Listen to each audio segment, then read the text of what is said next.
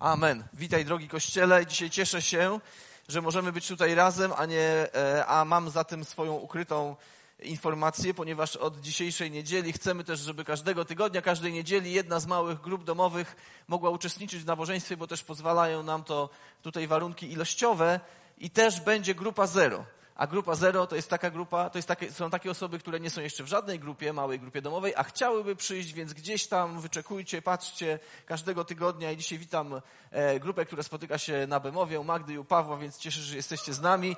Kościół zaczyna ożywać, wiosna już przyszła, mimo że na zewnątrz mróz zapowiadają, także naprawdę jest to ubłogosławieniem wielkim. I witam też wszystkich tych, którzy z tamtej strony ekranu. Cieszymy się, że możemy być razem wielbić Pana Boga, chwalić e, Go i skupiać się na tym, co On ma do nas, nam i do nas do powiedzenia. A jesteśmy w cyklu kazań bezobjawowej wiary, tak jak słyszeliście dzisiaj w studio.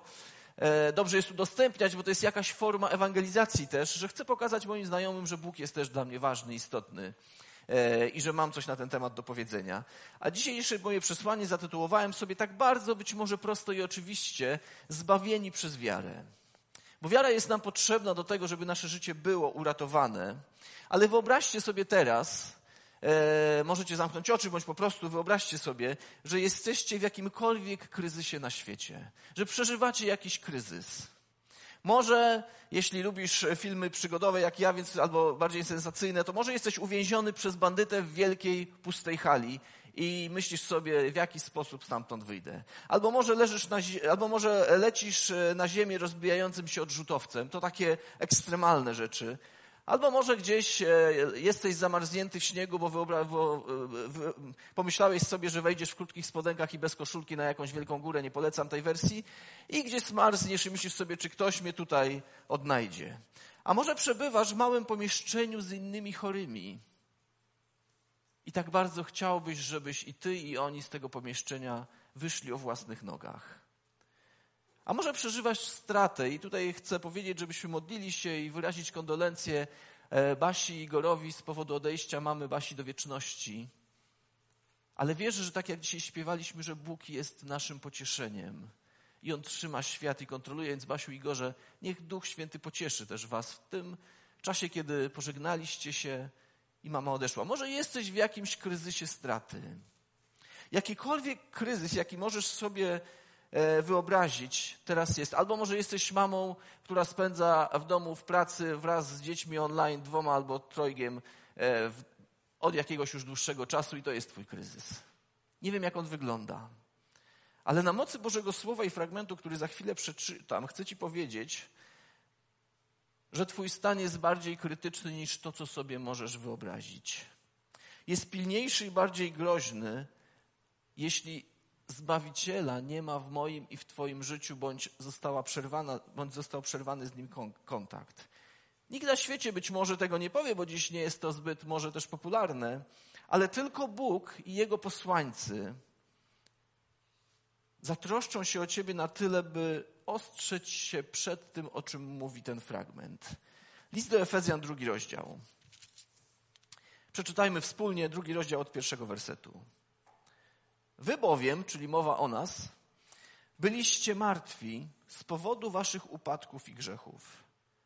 Żyliście w nie uwikłani, jak inni w obecnym wieku tego świata. Służyliście władcy sfer powietrznych, który rządzi duchem, działającym w nieposłusznych ludziach. Do takich ludzi zresztą my wszyscy niegdyś należeliśmy. Targały nami żądze ciała, jego pragnienia i pomysły. Byliśmy z natury warci gniewu, zupełnie tak, jak pozostali.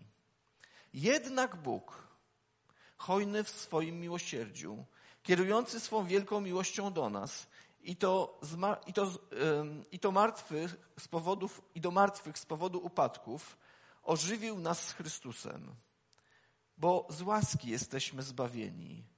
On nas wraz z Chrystusem przywrócił do życia i wraz z Nim umieścił na wysokościach nieba. Uczynił to w Chrystusie Jezusie, aby uzyskać w nadchodzących wiekach nadzwyczajne bogactwo swojej łaski w dobroci względem nas.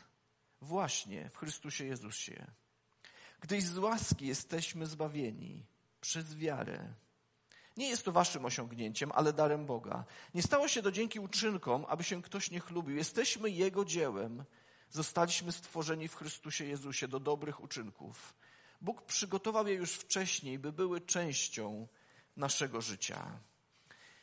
I tu są pokazane dwie perspektywy. Boża perspektywa spoglądania na nas i nasza perspektywa spoglądania na ten świat. Jeśli nie cenimy Chrystusa jako Zbawiciela, to nie będziemy Go mieli jako Zbawiciela. A jeśli nie znamy, nie odczuwamy potrzeby Zbawiciela, to też nie będziemy Go cenić w naszym życiu. Cenimy tylko tych, którzy są dla nas ważni, tylko tych, z którymi mamy relacje. Więc widzę w pierwszych trzech wersetach tego fragmentu, widzę tekst o potrójnym Zbawcy. Po pierwsze potrzebujemy Zbawiciela czy Wybawiciela z powodu naszego zepsucia w grzechu. Bo każdy z nas rodzi się z tendencją do grzechu, a potem każdy z nas w ten grzech popada bądź brnie. Tak mówi Boże Słowo. Czy się z tym zgadzasz, czy nie zgadzasz? Nie wiem. Szanuję twoje, twoją, twoją pogląd na ten temat. Ale wierzę też, że Boże Słowo mówi prawdę, zaraz zobaczymy coś dalej. Drugi werset mówi, że potrzebujemy Zbawiciela z powodu naszej niewoli, w jaką szatan chce nas wpuścić. Mówimy, że jesteśmy wolnymi ludźmi. Wolnymi na tyle, że niejednokrotnie obawiamy się wyjść z domu, bądź nie możemy wyjść z domu. Wolnymi na tyle, że jesteśmy tak naprawdę uzależnieni od elektryczności, bo jeśli by ją dzisiaj wyłączyli, to nie moglibyśmy nic kupić ani nic sprzedać najprawdopodobniej. Więc kiedy mówimy, że jesteśmy wolnymi ludźmi, to mówimy to w pewnych ograniczeniach, w których żyjemy. Wolnymi na tyle, że dzisiaj możesz polecieć przecież do każdego miejsca na świecie, prawda? I trzecia rzecz mówi, że potrzebujemy Zbawiciela z powodu naszego potępienia, bo jesteśmy umarli w grzechu, uwięzieni w obcej mocy i jesteśmy dziećmi gniewu. To są pierwsze trzy, trzy wersety. No niezbyt e, apokaliptyczna, więc wręcz bym powiedział wizja dla naszego życia. Ale to się tu nie kończy, bo potem jest takie jedno stwierdzenie, które wzbudza ogromną nadzieję. Wiecie, to jest trochę tak, jak idziesz na wywiadówkę na przykład i wiesz, że twoje dziecko tam wykręcało różnych rzeczy i pani tłumaczy ci, no i to zrobił, i to zrobił, i to zrobił i ty już tak tchu ci brakuje i chciałbyś usłyszeć, bo chciałbyś może chociaż, chociaż coś jedno dobrego. I potem to nauczycielka no ale tak naprawdę i w tym fragmencie jest czwarty werset, a jednak Bóg. A jednak Bóg coś w tej sytuacji zrobił.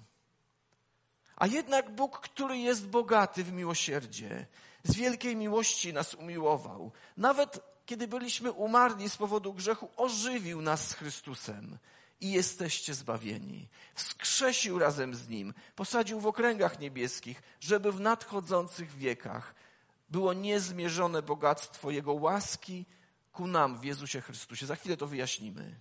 Spójrzmy na to trochę jak w pigułce. Byliśmy umarli w grzechu, ale Bóg ożywił nas w Chrystusie. Byliśmy uwięzieni przez księcia mocy powietrza, mocy powietrznych. To jest ciekawe. Mi się to z, z kosmosem kojarzy. Mocy powietrznych, czyli szatan gdzieś jest i ma na nas wpływ. I zniewoleni przez bieg tego świata, ale Bóg wychował nas, wyprowadził nas i posadził gdzieś blisko siebie. Byliśmy dziećmi gniewu, a dziecko gniewu, jak się dziecko zbuntuje, to zasługuje na konsekwencje i zasługujemy, tu jest napisane, na wieczność w miejscu, które nie jest przeznaczone dla człowieka w piekle. I tam jest dalej, ale Bóg zamiast wylewać gniew, spędzi wieczność, ukazując nam niezmierzona bogactwa Jego dobroci i łaski. I to jedno, ale Bóg może przemienić i przemienia moje i Twoje życie. Więc mógłbym powiedzieć, Bracia i siostry, ludzie, przyjaciele, znajomi, słuchacze, ci, którzy nas oglądają, podsłuchują, widzą, jest dobra wiadomość. Pomimo stanu, w jakim byliśmy czy jesteśmy, nie ma dla Boga nic niemożliwego. Licz się z Bogiem i z Jego obietnicami, bo On liczy się z nami. I teraz spróbujemy na to trochę przybliżyć nam to, spojrzeć jakby przez lupę, przez, mikroskop na te teksty. Po pierwsze, życzliwość w miejsce gniewu. Bóg dał nam życzliwość w miejsce gniewu. Pomyślmy sobie o takiej zasadzie w życiu, że kiedy przyjdzie ci ochota na wyrażenie swojego gniewu, to włóż w to miejsce życzliwość. O jakżeż świat by się zmienił. W wersecie trzecim na końcu jest napisane, że byliśmy z natury dziećmi gniewu, tak jak reszta ludzkości. Jest to pewna prawda o nas. Z natury jesteśmy buntowniczy przeciwko Bożemu prawu, czy to wyrażając głośno, czy czasami chowając się i mając swoje przemyślenia. Ale On jest tym, Jezus Chrystus jest tym, który bardzo dobitnie ostrzega swój Kościół, czyli mnie i Ciebie. W jednym miejscu mówi, że lepiej, żebyś wszedł do Bożego Królestwa z odciętą ręką czy jakąś częścią ciała, niż miałbyś do niego nie wejść. W innym miejscu mówi, że wszyscy złoczyńcy zostaną wyrzuceni do pieca ognistego. W jeszcze innym mówi, że kozły po jego lewej ręce pójdą na karę wieczną, a po prawdę pójdą do Królestwa Niebios. Wielokrotnie ostrzega, że ludziom wyznaczono raz umrzeć, a potem sąd. Być może myślisz sobie, ojejku, ten Bóg taki straszny i trudny, a przecież jednak czytamy też inne fragmenty. Ale Bóg jest też sprawiedliwy, a sprawiedliwość mówi, że jeśli jestem winny, to powinienem odbyć karę, prawda?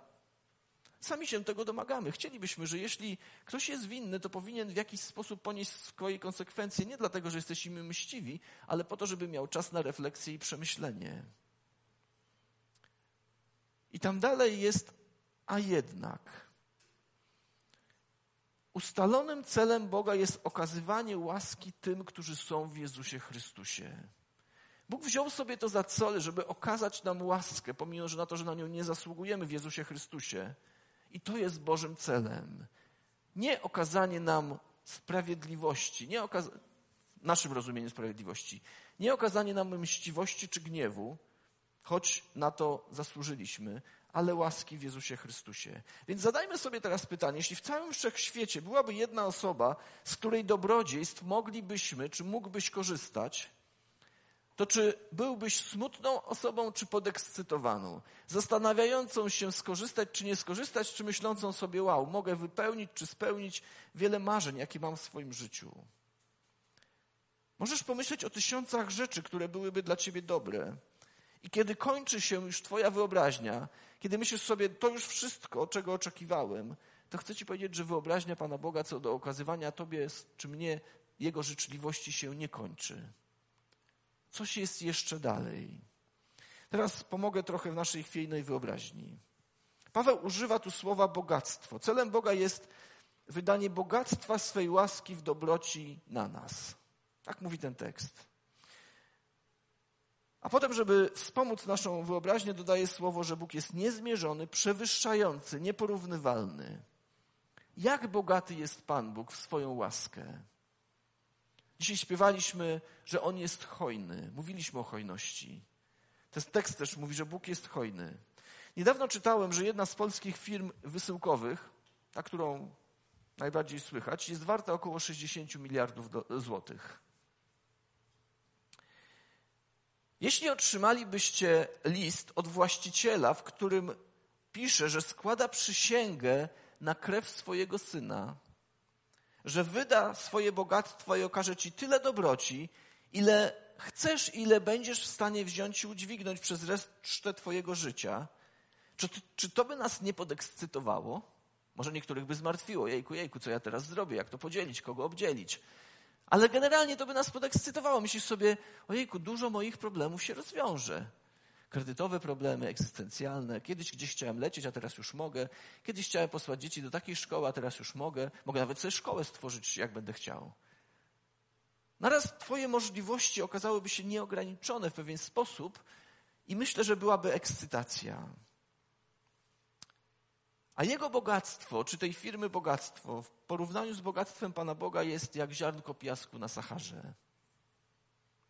Ale to nie wszystko. Mógłby okazywać Ci dobroć tylko przez te kilka lat, tylko przez te lata, kiedy jeszcze żyjesz. Może 10, może 30, może 60.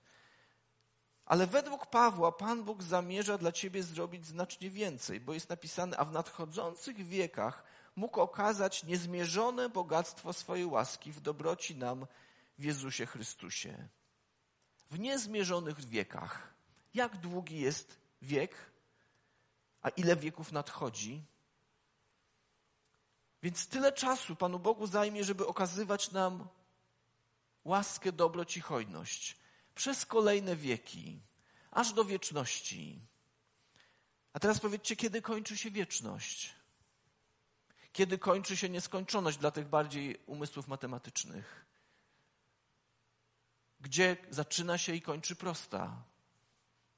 Więc Pan Bóg był zanim powstało i będzie zanim się skończy, jak się skończy. I w tym czasie chce nam okazywać bogactwo swojej łaski w dobroci, jaka jest w Jezusie Chrystusie. Z kimś dzisiaj użyję tego, rozmawiałem przed nabożeństwem. Wiecie, wiele dzisiaj osób martwi się o swój byt i o to, czy będę miał gdzie pracować, a nawet jeśli będę miał, to czy będę miał z tego tytułu wynagrodzenie. I dziękuję za to świadectwo, ale ktoś powiedział, i Bóg przyszedł swojej odpowiedzi, a że ktoś też ma umysł i analityczny i myślę, że y, y, dobrze zarządza swoimi środkami, to porównał sobie przychody w danym miesiącu w tamtym roku, przed pandemią i w tym roku, w tej pandemii. I wiecie, że się nie zmieniły, dzięki Bożej łasce. I ktoś może czuć się bezpiecznie nie z powodu tego, ile tam jest jedynek, zer czy czegokolwiek na koncie, ale z tego powodu, że jeśli Bóg się troszczy, to nie zabraknie. Ja nie wiem, jak to zrobi, ale wiem, że ma sposoby na to, żeby to zrobić. Wiecie, to nie jest tak, że ta osoba siedzi sobie w domu i tylko sprawdza, Boże, to już przyszło czy nie przyszło, tylko ciężko pracuje i też ma pewną markę, którą sobie wyrobiła ta osoba kiedyś tam w swoim życiu. Więc Chrystus przyszedł na świat, aby żeby umrzeć za grzeszników, aby Bóg miał ludzi, którzy na zawsze cenią bogactwo Jego dobroci. Czy jesteśmy jednym z nich? Czy jesteś jedną z tych osób, która oddała swoje życie Chrystusowi? Albo czy jesteś jedną z tych osób, która oddała swoje życie, dziś być może odeszła i potrzebuje odnowy tej relacji z Chrystusem? Bo zaczynasz wątpić, zaczynają się trzęść wszystkie rzeczy w naszym życiu i myślisz sobie, czego ja się dziś albo kogo ja się dziś mogę uchwycić. Byliśmy z natury dziećmi, grze, grze, dziećmi grze, gniewu, ale Bóg obiecał nam w zamian wieczną dobroć. Niesamowita Boża obietnica. Idąc dalej, druga rzecz. Bóg nam daje wolność w miejsce niewoli. Zgodnie z drugim wersetem, wszyscy kiedyś podążaliśmy biegiem tego świata. Podążaliśmy z duchem czasu, w zgodzie ze światem, w duchu epoki. A szatan działa w synach nieposłuszeństwa. On lubi nieposłuszeństwo. Lubi bunt, ale w tym tego mm, e, złego słowa tego znaczeniu. Bo istnieje osobista, nadprzyrodzona rzeczywistość, zwana księciem mocy sfer powietrznych. Ciekawe to apostoł Paweł ujął. Książę mocy sfer powietrznych, czyli ja bym, można by powiedzieć czasami, że wchodzisz do pomieszczenia i coś wisi po powietrzu, albo jest jakaś siekiera, albo czujesz, że atmosfera duchowa czasami też w tym pomieszczeniu, no, coś się dzieje nie tak. Jestem Bogu wdzięczny, że często, kiedy ludzie przychodzili kiedy tu się spotykamy jako Kościół, to naraz odczuwali Bożą obecność. Pamiętam nawet takie świadectwo, że ktoś chodził wzdłuż płotu przez kilka niedziel, bo obawiał się z jakiegoś powodu tu wejść, którego nie potrafił wytłumaczyć. Aż wreszcie wszedł i doświadczył Bożego działania. Bo szatan działa i Bóg też działa w sferach powietrznych czy niebieskich. Który ma łatwy dostęp do nieposłusznych serc? Wiecie, że łatwo jest szatanowi mieć dostęp do nieposłusznego serca? Pomyślcie sobie nie o swoich dzieciach, tylko o sobie jako dziecku, kiedy byliście nieposłuszni. Jak łatwo było, dlaczego ludzie czasami jest e, coś takiego, że popełnił zbrodnię w afekcie albo w jakimś szale. Bo łatwo jest mieć dostęp do nieposłusznego serca. Dlatego z łatwością utrzymuje zachowanie osób e, nieposłusznych w pewnej niewoli. Jest w stanie sterować nami czy osobami, których serce jest w niewoli. Dlaczego? Czasami czyni to moralnie, czasami niemoralnie, ale zawsze nieposłuszeństwo wiąże, wiąże się z egocentryzmem. To zawsze chodzi o to, żeby to świat wokół nas się kręcił, a nie my wokół kogoś innego.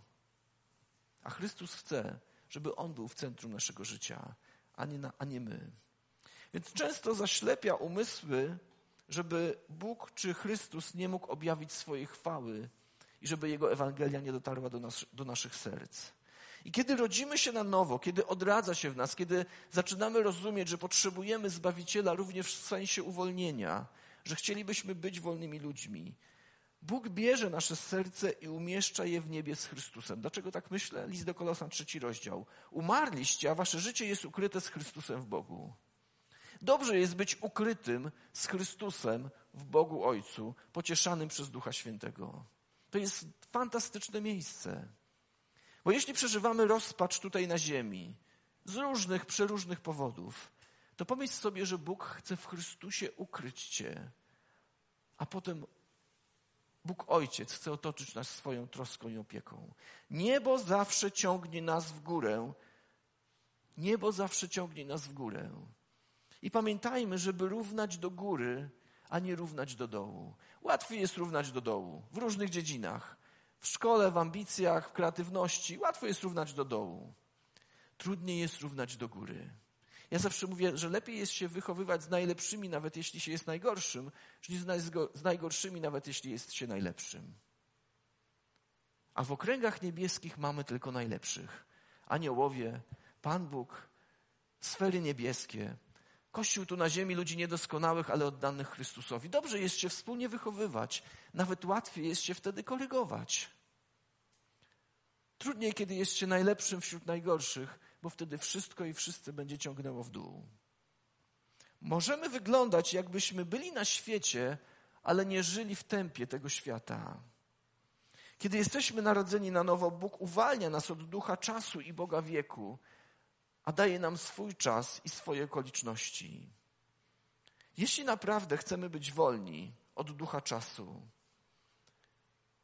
to myślę, że nie chcielibyśmy być meduzą niesioną przez morze sekularyzmu, ale możemy być delfinem i pływać pod prąd i z prądem w różnych okolicznościach, tak jak Pan Bóg dodaje nam sił.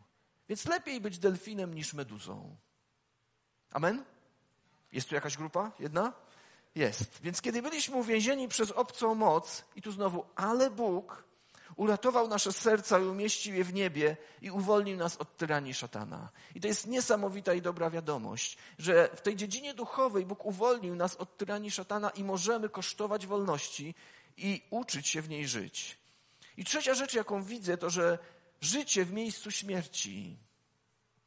Nie wiem, czy kiedyś byliście w jakimś miejscu śmierci. Ja czasami teraz rzadziej, ale kiedyś, dawno temu, spacerowałem sobie po cmentarzu. Bo tam była cisza, nikt do niej nie mówił, wszyscy musieli mnie słuchać, prawda? Tak to jest, takie miejsce podobno dla kaznodziei idealne, wszyscy słuchają, nic nie kwestionują. Ale czasami takie miejsce śmierci to jest to, kiedy widzisz, że ktoś umiera. To są jakieś tam miesiące ostatnie czy tygodnie jego życia. Albo miejsce śmierci to jest tam, gdzie już nie ma nadziei. Ktoś mi kiedyś powiedział, że może pracować, e, pracuje online, ale też może chodzić do biura. No i od czasu do czasu idzie do biura, ale tam nikogo nie ma i mówi sobie, to jak cmentarz. Nikogo tu już nie ma, nie ma życia. Ktoś siedzi po drugiej stronie, za bardzo w pokoju na kawę nie mogą się spotkać. Wiecie, jak, nie, jak to działa, że tam wszystkie pomysły i, i wszystko, co się, albo wiele rzeczy, które się dzieje w, firmu, to w, w firmie, to w pokoju, gdzie można wypić kawę i zjeść kanapkę. Wiele decyzji się podejmuje, takich nieoficjalnych. I mówi, że tam nie było życia. Byliśmy martwi w występkach i grzechach. Oznacza to, że byliśmy bezsilni duchowo. Wiecie, są też takie sytuacje i są osoby w naszym kościele, które były bezsilne duchowo, bo naraz siły ciemności ogarnęły w taki sposób, że w mieszkaniu czy w domu przesuwały się bez wiedzy tych osób naczynia. Coś dzwoniło, coś się działo dziwnego i nie było wiadomo z jakiego powodu i z jakiej przyczyny. Bo z jakiegoś powodu ten, który niesie śmierć, miał dostęp do jakiejś rodziny, miejsca czy osoby. Ale kiedy Chrystus przychodzi, kiedy w Chrystusie się znajdujemy, to On w miejsce śmierci przynosi życie. Zepsucie grzechu czasami jest tak głębokie, że nie mamy żadnych duchowych skłonności, jesteśmy duchowo martwi. Mogliśmy być otwartymi grobowcami niemoralności lub pobielonymi grobowcami religijności. Więc zarówno niemoralność prowadzi do śmierci, jak i religijność możemy być pobielanym grobem. Nie było w nas dobra duchowego, ale Bóg, kiedy przechodził obok mojego otwartego grobu, zwanego życiem, to zamiast odwrócić się od smrodu, jaki stamtąd się unosi, powiedział do swojego syna: Chcę, żebyś ten bałagan ożywił, posprzątał, czy umrzesz za niego. To było pytanie ojca do syna, Jezusa Chrystusa. A on powiedział tak, jeśli to możliwe, to nie moja, lecz Twoja wola niech się stanie. I w ten sposób ja i Ty zostaliśmy, bądź możemy być zbawieni, uratowani od śmierci, od niewoli i od braku mocy. Chrystus przyszedł na świat, aby umrzeć za grzeszników, ale Bóg miał ludzi, ale Bóg chce mieć ludzi żyjących duchowo i świętych. I to było motywacją posłania Chrystusa. Więc podsumowując trochę tę część. Kiedyś umarliśmy w grzechu, ale Bóg ożywił nas. Kiedyś byliśmy w niewoli szatana, ale Bóg nas uwolnił. Kiedyś byliśmy dziećmi gniewu, ale Bóg obiecał spędzić wieczność na rozwijaniu bogactwa, swojej łaski, w dobroci wobec nas. Bóg spędza wieczność, żeby sprawiać to, żebyśmy mogli doświadczać Jego dobroci. Jak możemy mieć te, te bogactwa? I to jest kluczowy werset, który chce nam i apostoł Paweł zostawić. Łaską zbawieni jesteście przez wiarę. Bóg nie ma bezobjawowej wiary. On objawił swoją wiarę przez Jezusa Chrystusa. I przez Chrystusa objawił swoją łaskę. Ale do tego, żebyśmy my mogli z tego skorzystać, potrzebna jest nasza wiara, nasze zaufanie temu, co Chrystus dla nas zrobił. I jest to Boży dar, nie uczynki jakieś tam tu na ziemi, żeby się nikt nie chlubił. Pierwsze moje kazanie mówiłem, że uczynki czy objawy naszej wiary są potrzebne w uczynkach tu na ziemi jako konsekwencja naszej wiary. A apostoł Paweł, on nie zaprzecza temu, tylko mówi, że zbawienie czy łaskę nie możemy otrzymać z żadnego uczynku, ani złego, ani dobrego, ani niemoralnego, ani religijnego, tylko z Jego łaski. Niezasłużenie, niewyobrażenie. Trudno jest nam to sobie wyobrazić.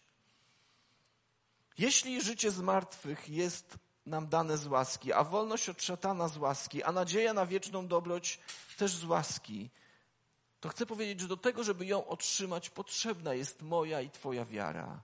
Inaczej, innym słowem, wiarę można zastąpić zaufanie. I może dzisiaj oglądasz, albo jesteś tu, albo oglądasz po raz pierwszy, myślisz sobie, Panie Boże, czy to moje życie może się przemienić, może zostać odnowione. Co ja do tego potrzebuję? Chcę Ci powiedzieć, że potrzebujesz wiary, jak ziarnko gorczycy, tak mówi Boże Słowo też. Potrzebujesz dzisiaj powiedzieć, Boże, może nie rozumiem, ale jeśli jesteś, jeśli możesz zmienić moje życie, to wierzę, chcę Ci dzisiaj zaufać. Proszę Cię o przebaczenie moich grzechów. Uratuj mnie, wyzwól, daj wolność. I chcę, żebyś był dla mnie Panem, Zbawcą i Królem, kimś najważniejszym w moim życiu. I wiara często staje w obliczu pokus. To już mówię do ludzi, którzy idą za Chrystusem. Oznacza, oznacza to, że odkąd ufamy w swoim sercu, że śmierć Chrystusa zakryła wszystkie nasze grzechy i zagwarantowała nam obietnicę w Panu Bogu, to nie oznacza, że nie będziemy kuszeni do tego, żeby odrzucić albo zanegować tego, w którego wierzymy.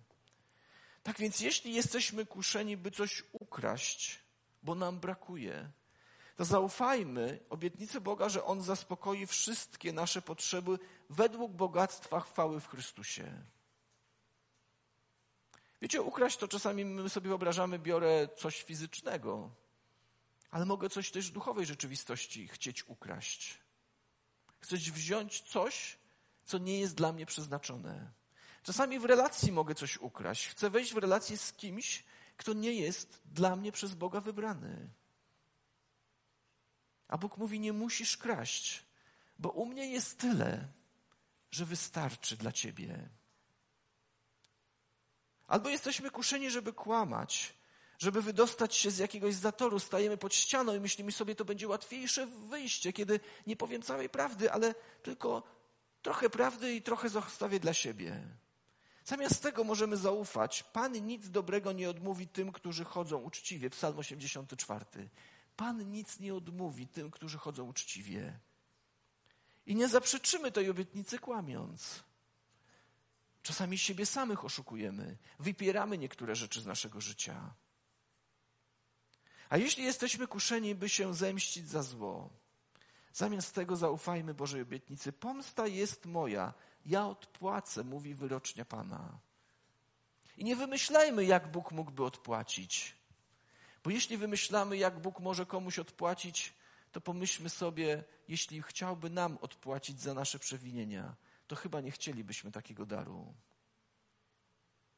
Łaską jesteśmy zbawieni przez wiarę. Dlatego chcę zrobić wyzwania czy takie wezwania. Zaufaj mu, jeśli Twoje życie jest obciążone grzechem, że On jest w stanie zdjąć ten ciężar. Zaufaj mu w swoich związkach, czy w swoim związku, w bliskiej relacji, że jeśli on się nie rozsypuje, albo jego nie ma, to zaufajmy, że on go może stworzyć, albo on go może uratować. Zaufajmy mu, jeśli chodzi o naszą pracę. Powierzmy mu swoje umiejętności, a wierzę, że on znajdzie miejsce, w którym będziemy mogli własnymi rękami, głową i nogami zarobić na swoje utrzymanie. Nie wiem jak i zdaję sobie sprawę, że to nie są łatwe dzisiaj tematy, z którymi się zmagamy. Zaufajmy mu swoim zdrowiem. Że on w tej dziedzinie również może wyprowadzić. I mamy też przykład Bożego cudu, tego użyję. Naszego Dawida mama trafiła do szpitala, nie będę mówił nazwisk, i naprawdę już dawano jej 15% na przeżycia. Z powodu COVID-u tam trafiła. I kiedy jej, czy już była pod respiratorem, już leżała na brzuchu, jeśli wiecie, jak to przebiega, to, to już mogła być końcówka jej życia. I naraz jej funkcje życiowe zaczęły wracać. Dzisiaj wróciła do domu, dotknięta Bożym działaniem. I sami lekarze mówili, że to nie jest normalne, żeby nie użyć słowa cud. Więc niech przydaje Pan Bóg jeszcze wiele lat życia. Oczywiście, czy jakieś są konsekwencje tego? Pewnie jakieś są, czy będą, nie wiem, bo Panu Bogu to zostawiamy. Ale wiem, że kiedy zaufamy Panu Bogu, to On nawet z doliny śmierci może nas wrócić do królestwa życia. Zaufajmy Mu swoimi finansami i wolnym czasem. Wiecie, dzisiaj trudno trochę powiedzieć, że nie mam czasu. Prawda?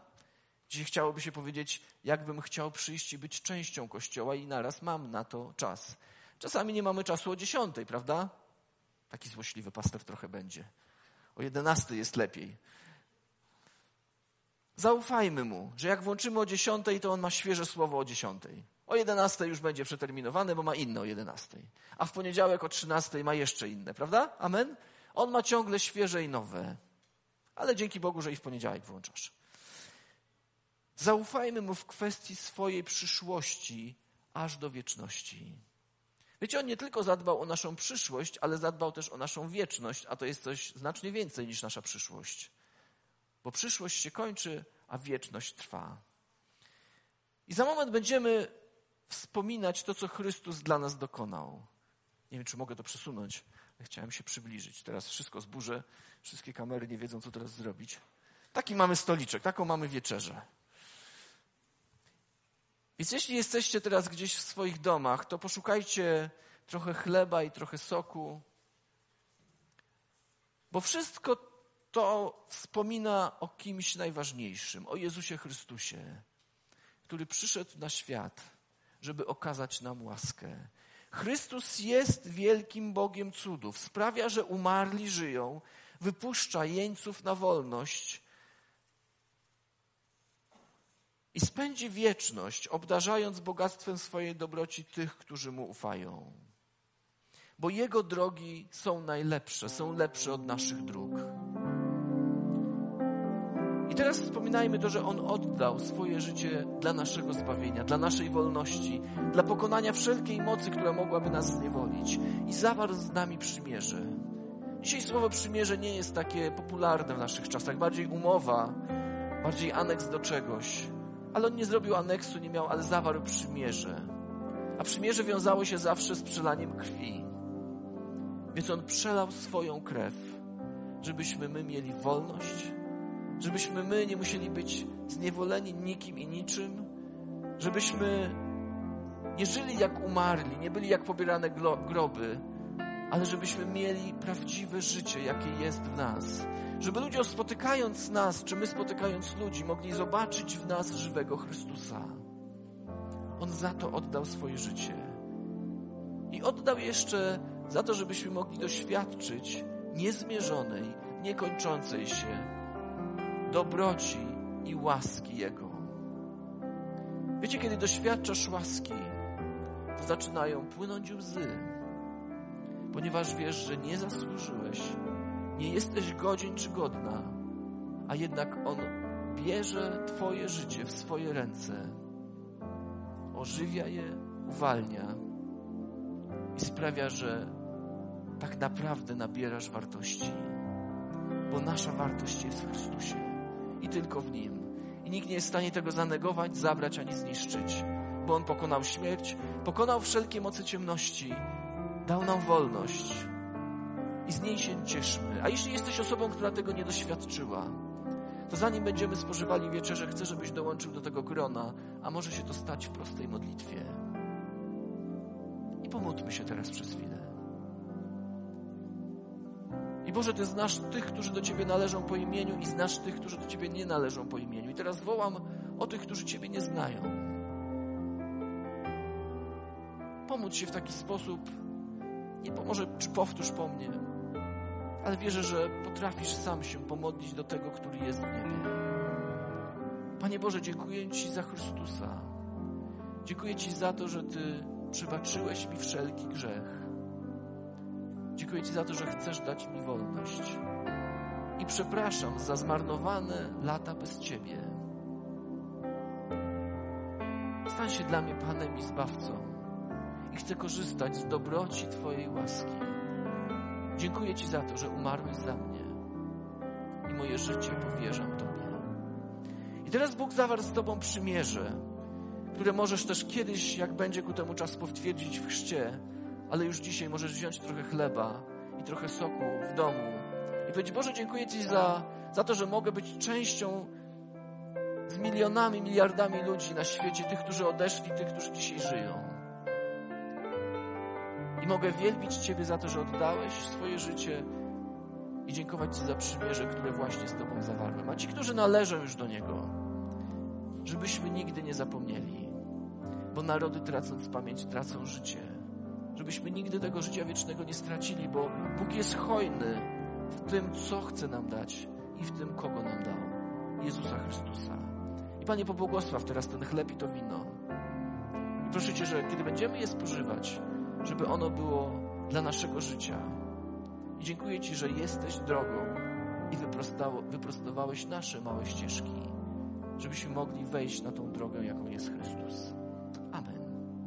Uwielbijmy teraz Pana Boga w jeszcze jednej piosence, śpiewając Mu, dziękując Mu, wielbiąc Go za to, że On jest dla nas dobry.